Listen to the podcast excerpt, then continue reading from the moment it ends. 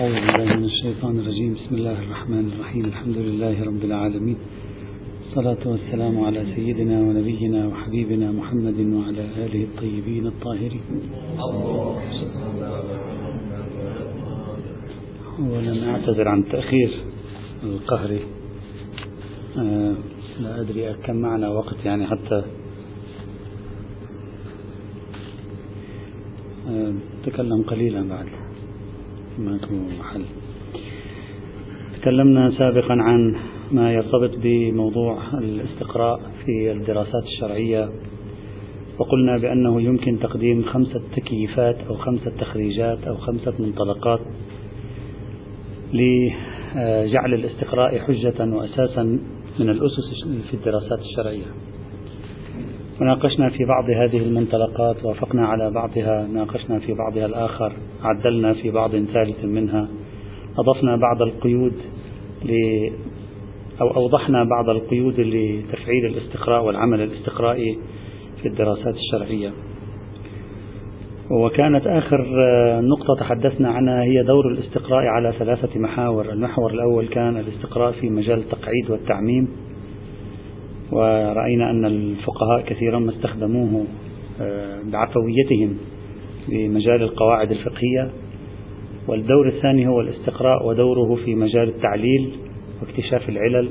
ذكرنا يعني بعض العقبات التي يمكن أن تواجه الإنسان في هذا السبيل وأشرنا إلى بعض التسجيلات وتفصيل بحث العلل سوف يأتي إن شاء الله تعالى. والدور الثالث هو دور الاستقراء في المجال التفسيري يعني في مجال تفسير النصوص القرآنية والحديثية. تحدثنا عن مجالات متعددة لتنشيط الاستقراء والتتبع في مجال النصوص الحديثية والتفسيرية على المستوى التفسيري. وانتهينا وخلصنا إلى نتيجة يعني مفترض تكون هذه النتيجة صارت واضحة أن طريقة العمل في الاجتهاد القرآني والحديثي يجب أن تقوم على مرحلتين دائما أو غالبا. في المرحلة الأولى نحن نقوم بما نسميه بالبحث التجزيئي يعني ندرس كل آية آية على حدة وندرس كل رواية رواية على حدة ونرى مقدار الثبوت من حيث الصدور ونرى مقدار الثبوت من حيث الدلالة.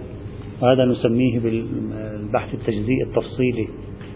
ثم ينبغي لنا بعد ذلك إذا كنا نفكر بالذهنية الاستقرائية التراكمية الاحتمالية أن نقوم بمرحلة ثانية دائما في مجال البحوث الفقهية والأصولية الفقهية وأمثالها وهو أو المرحلة التجميعية. يعني نأخذ المجموعات التي بحثناها سابقا ثم ننظر بعد تراكمها ما هو الشيء الذي يمكن أن تعطينا إياه ودائما إذا الإخوة يذكرون كنا دائما في البحوث السابقة في السنوات الماضية كثيرا ما نعتمد هذه الطريقة نبحث الروايات بشكل تجزيئي ثم بعد ذلك ننتقل إلى مرحلة جديدة نسميها بالبحث المجموعي للروايات. نأخذها منضمة إلى بعضها البعض فيما هو دال منها ونرى بتراكم قوتها الاحتمالية من حيث الدلالة والصدور ما هو الذي يمكن أن تعطينا إياه. هذه طريقة مهمة جدا لكل من يفكر بذهنية استقرائية. على خلاف الطريقة التي تستخدم عند بعض العلماء الذين يعتمدون بشكل أساسي على مثلا حجية خبر الثقة باعتبار أن الوثاقة هي المعيار المحض. فإنه إذا استقرأ مثلا ثلاثين رواية فهو يرى رواية واحدة صحيحة الإسناد ثم يرى مثلا 29 رواية ضعيفة الإسناد ثم يبني كل اجتهاده فيما بعد على الرواية الواحدة صحيحة الإسناد لأنه يعتبر أن معيار الحجية هو عبارة عن الوثاقة وبالتالي ال 29 رواية الأخرى لا تكاد تنفع شيئا إلا من باب أنها تؤيد ما هو موجود مسبقا في الرواية صحيحة الإسناد. وهذه الطريقة شائعة عند مثل السيد الخوئي وأبناء مدرسة السيد الخوئي اللي من دأبهم عادة أن يتعاملوا مع النصوص مع الأدلة بهذه الطريقة. إذا عندي رواية صحيحة خلاص هذا هو الدليل. والباقي مؤيدات لما هو ثابت مسبقا في الرواية الصحيحة. إلا إذا بلغ الأمر حد التواتر. إذا بلغ الأمر حد التواتر كان عندنا روايات كثيرة جدا مثلا يمكن للإنسان أن يبني آه، في المتواترات. أما ما دون المتواترات الأحاديث الضعيفة كأنها لا وجود لها عند السيد الخوئي. فهكذا ترى أسلوبه. كأنها أصلا لم, لم تكن موجودة في الكتب أصلا. إلا لكي يستعين بها هنا إشارة أو إشارة هنا أو إشارة هناك. بينما على المنهج الاستقرائي اللي هو نوعا قائم على نظرية الوثوق العقلائي قائم على نظرية تراكم الاحتمالات الرواية الصحيحة مثل الرواية الضعيفة. غاية الأمر أن الرواية الصحيحة قوتها الاحتمالية أكبر من القوة الاحتمالية الموجودة في الرواية الضعيفة. هذا كل ما في الأمر. يعني مثل الصوت بصوتين. إذا عندنا شركة وفي مجلس إدارة فرئيس مجلس الإدارة صوته يساوي صوتين مثلا إذا أرادوا أن يصوتوا على أمر ما مثلا. يعني الرواية صحيحة السند هي قوتها مثلا تساوي أربع روايات ضعيفة الإسناد. فنعطيها أربعة أسهم مثل تقسيم الإرث. نعطيها أربعة أسهم وتشارك في التصويت. وحينئذ نحسب المجموع لا نحسب فقط رواية صحيحة. هذه طريقة الذي يفكر عادة بنظام التفكير الاستقرائي التراكمي الاحتمالي. هذا طريقته عادة بهذا بهذا الأسلوب. حتى أنني لاحظت أن مثلا الشيخ الأنصاري في بعض في بعض المواضع من كتبه ولو قليلة جدا. مثلا يقول النتيجة الفقهية على مسلك حجية خبر الثقة كذا وكذا. يقرب الاستدلال النتيجة على مسلك مثلا حجية الخبر المعمول به الشهرة الاستنادية نتيجة كذا وكذا. ويقرب يذكر المباني المتعددة في هذا ومنها النتيجة التي على مبنى مثلا الوثوق الذي هو ليس سوى أنت لو تأملت مبنى الوثوق هذا في مجال الدراسات الاستردادية أو ما يسمى بالدراسات التاريخية. مبنى الوثوق ليس سوى عبارة عن تراكم الاحتمالات ليس سوى عبارة عن عملية استقرائية بامتياز. الذين يؤمنون بمبنى الوثوق هم استقرائيون مئة بالمئة يعملون على الاستقراء لذلك مثلا لاحظنا في درس الرجال على السيد الخوئي أنه يبني الدين كله تقريبا على رجلين مثلا. مثلا على الشيخ الطوسي وعلى الشيخ النجاشي. هما اللذان أو ربما أحدهما هم يكفي عند السيد الخوئي. يحدد مئات الروايات الثقات وكل راو ثقة لديه عشرات ومئات الروايات هكذا عادة. سيد الخوئي في بحوثه الرجال عادة هكذا المعيار هو الرجالي الثقة قوله خلص من باب حجية خبر الثقة كما بحثنا في الرجال بالتفصيل على عكس مسلك المامقاني والبروجردي والسيستاني وغيرهم من العلماء الذين يسلكون مسلك الاطمئنان اللي هو عبارة عن تراكم الاحتمالات الآتية من الشواهد والتي تفسح في المجال لنا أن نجتهد في مقابل الطوسي وتفسح في المجال لنا أن نجتهد في مقابل النجاشي. ليس إذا قال النجاشي زيد ثقة انتهى العالم ونقطع على السطر ونبدأ بمرحلة جديدة من حياتنا. إذا قال النجاشي فلان ثقة فهي عنصر من عناصر التوثيق عنصر مهم من عناصر التوثيق. وإلا ربما نحن نذهب إلى مرويات هذا الراوي. ربما تظهر لدينا قرائن تاريخية ترددنا فيما قاله النجاشي وتجعلنا نتحفظ فيما قاله النجاشي. فإذا ما أريد أن أوصله دائما في هذا في موضوع الاستقراء هو بناء طريقة تعاملنا في الاجتهاد على النظرية الاستقرائية بهذا المعنى الذي قلنا. يعني نبدأ نتدرب على إعمال القواعد الاستقرائية على التتبع تجميع القرائن حشد الشواهد النظر في الشواهد المعاكسة ولو كانت ضعيفة. ولذلك من تأثيرات الاستقراء هنا في بحث الاجتهاد هو باب التعارض. سيد الخوئي نحن عندنا قاعدة في باب التعارض. تعارض الحجة لا يكون مع اللا حجة. لا يوجد تعارض بين الحجة واللا حجة. اللا حجة ساقط عن الاعتبار. الحجة هو المعتبر ولا معارض له. التعارض متى يبدأ؟ عندما يكون بيدنا حجتان. الحجة تعارض الحجة. على طريقة السيد الخوئي مثلا إذا عندنا رواية وكثيرون أيضا غيرها يعني ليسوا قلة خاصة بين المتأخرين. إذا عندنا رواية صحيحة الإسناد وعشر روايات تعارضها ضعيفة الإسناد ما في تعارض. لأن عشر روايات كلها ضعيفة الإسناد. إذا يفتح السيد الخوئي جهاز الرادار الذي عنده لا تظهر العشر روايات على جهاز الرادار الذي عند السيد الخوئي لأنها لا حجية لها.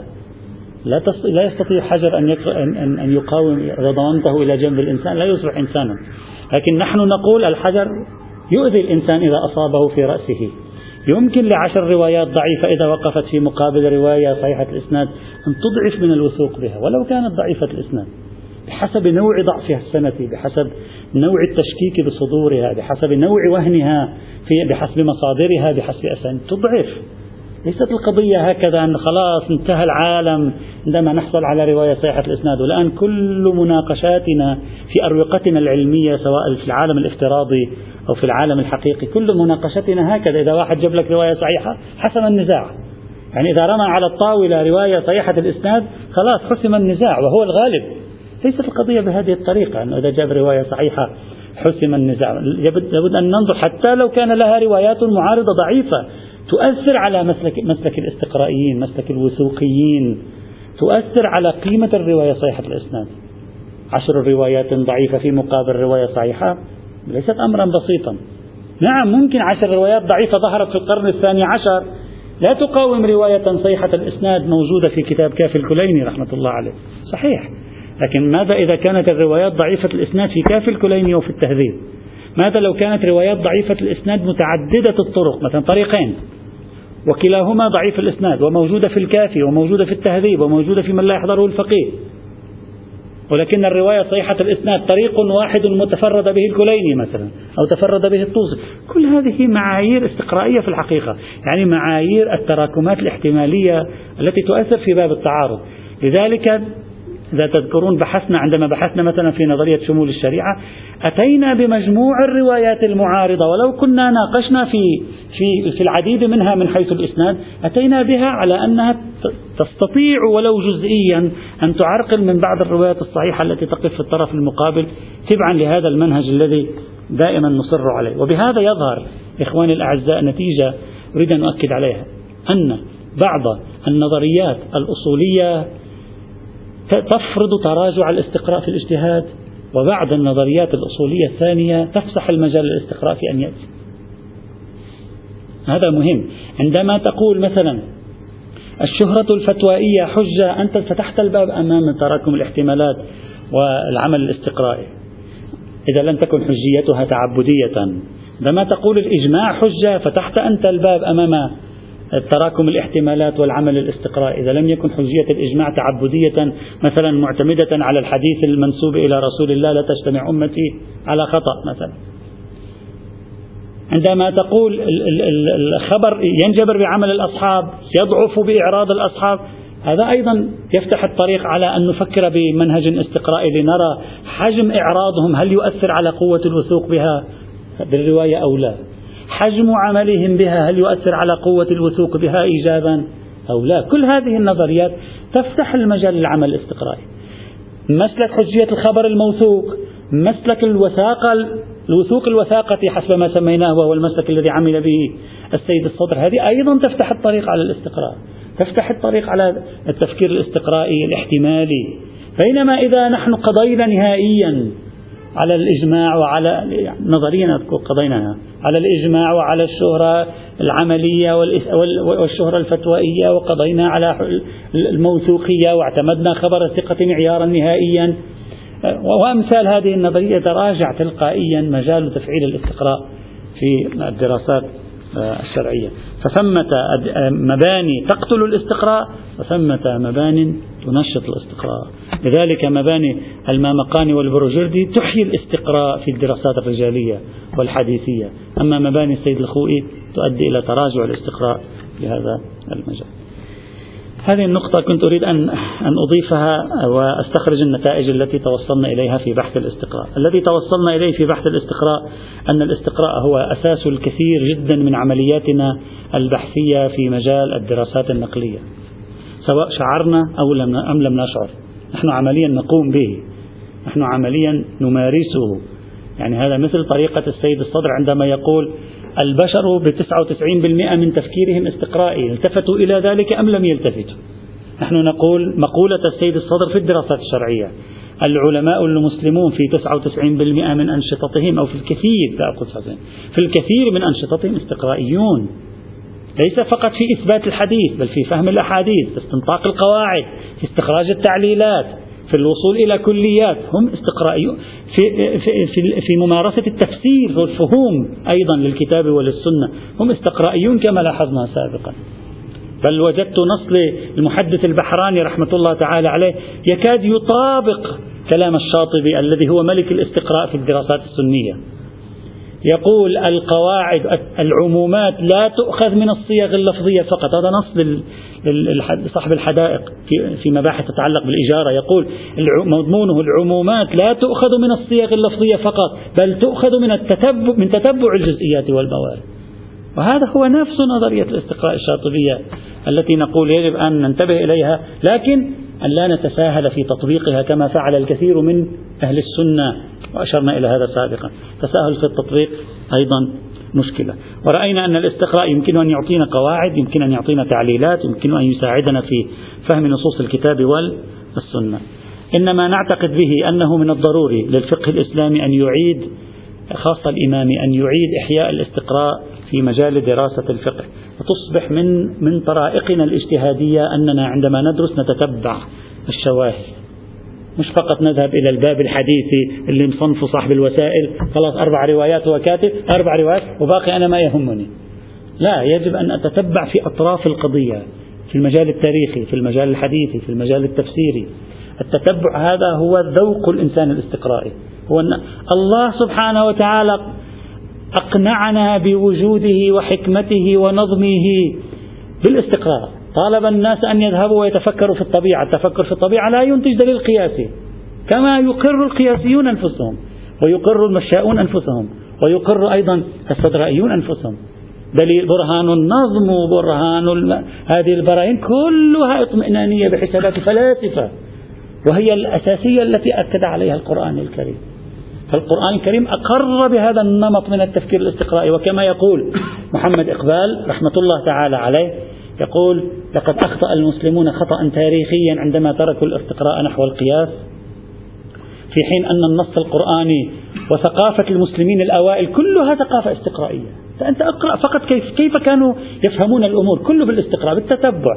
يجمعون بعض القضايا يستخرجون كليات. ما كان عندهم ذهنية استقرائية آه، آه، قياسية بالمعنى الذي لست ضد القياس أبدا. لكن نقول الاستقراء ينبغي أن أيضا أن لا يؤخذ حقه في مجال الدراسات الشرعية هنا. طبعا جوهر الموضوع عمق الموضوع يرجع إلى تاريخ طويل. في موقف المسلمين من الاستقراء أشرت إليه في البداية لا أريد أن أخوض فيه. اعتقاد الشخصي أن المسلمين منذ القرن الأول وصولا للقرن الخامس كانوا يشقون طريقهم نحو تأسيس مدرسة استقرائية لم يكن يعرفها العقل اليوناني. العقل اليوناني عرف الاستقراء مع سقراط طبعا ليس مع أرسطو. وقابل سقراط أيضا. وقابل سقراط. لكن المسلمين لم يتعرفوا كثيرا على المدرسة الرواقية. تعرفوا أكثر على المدرسة الأرسطية. والذين تعرفوا على المدرسة الإشراقية نزوا لوحدهم فشكلوا ما يعرف بالتصوف والعرفان. المدرسة الإشراقية أقصد القديمة الأفلاطونية. وإلا المسلمون لو تعرفوا على المدرسة الاستقرائية التي توجد لها إشارات في كلمات سقراط وفي تفكير التجريبيين الذين كانوا قبل سقراط أيضا. العقل التجريبي الذي كان قبل سقراط أيضا هو عقل استقرائي ربما كانت الأمور مختلفة. القرون الخمسة الأولى نهضة المسلمين نحو تشكيل عقل استقرائي نمط مختلف دون أن يعادوا العقل الأرسطي اليوناني بالعكس كانوا جريئين في نقده وفي الوقت عينه جريئين في القبول به. مجيء الغزالي في الأصول إجراء مصالحة مع العقل القياسي. ثم مجيء الفخر الرازي بعده بقرن. ومجيء نصير الدين الطوسي سوى مصالحة أعاد القياس إلى حظيرة الفكر الإسلامي. وشيئا فشيئا قضى القياس في حظيرة الفكر الإسلامي قضى على خصمه الاستقرائي خاصة في مدارس المتكلمين السنة أي الاجتهاد الكلامي الاجتهاد الشرعي للمتكلمين وفي المدارس المتأخرة عند الشيعة يعني العصر الأصولي المتأخر. تراجع الاستقراء ولكن لا أقول انتهى بالعكس. المدارس الشيعية ما يزال له حضور كبير غير أنه لم يطرح للتنظير كما قلنا مرارا. وأخيرا أشير إلى أننا عندما نتكلم عن الاستقراء لا نتكلم هنا عن الاستقراء في زاويته الفلسفية وهو يعطي يقين وإذا يعطي يقين يعطي يقين موضوعي أو يعطي يقين نفسي كما قال ديفيد هيوم وصولا إلى كارل بوبر. ما هذا شغل الفلاسفة نحن شغلنا هنا شغل العقلاء العاديين الذين أمضى الشارع طرائقهم في تحصيل اليقين. هذه الطرق المتعارفة في تحصيل اليقين أمضاها الشارع وبالتالي نحن نتكلم عنها في هذا المجال. هذا ما أردت أن أشير إليه كتعليق إضافي في موضوع الاستقرار. الأساس الثاني الذي تقوم عليه نظرية التعليل والمقاصد الشرعية النص. هذا لنا فيه رحلة أيضا طويلة. العودة إلى النص لأجل استخراج التقعيد العودة إلى النص لأجل استخراج التعليلات للوصول إلى استخراج المقاصد أيضا. يعني التعليلات قد تكون أيضا مقدمات لاستخراج المقاصد الكلية للشريعة. هل النص ينفع أو لا ينفع؟ لماذا لم يقبل الكثير من العلماء خاصة في الوسط الإمامي بنصوص التعليل؟ ما السبب في أنهم أجهضوا نصوص التعليل في التراث الإسلامي؟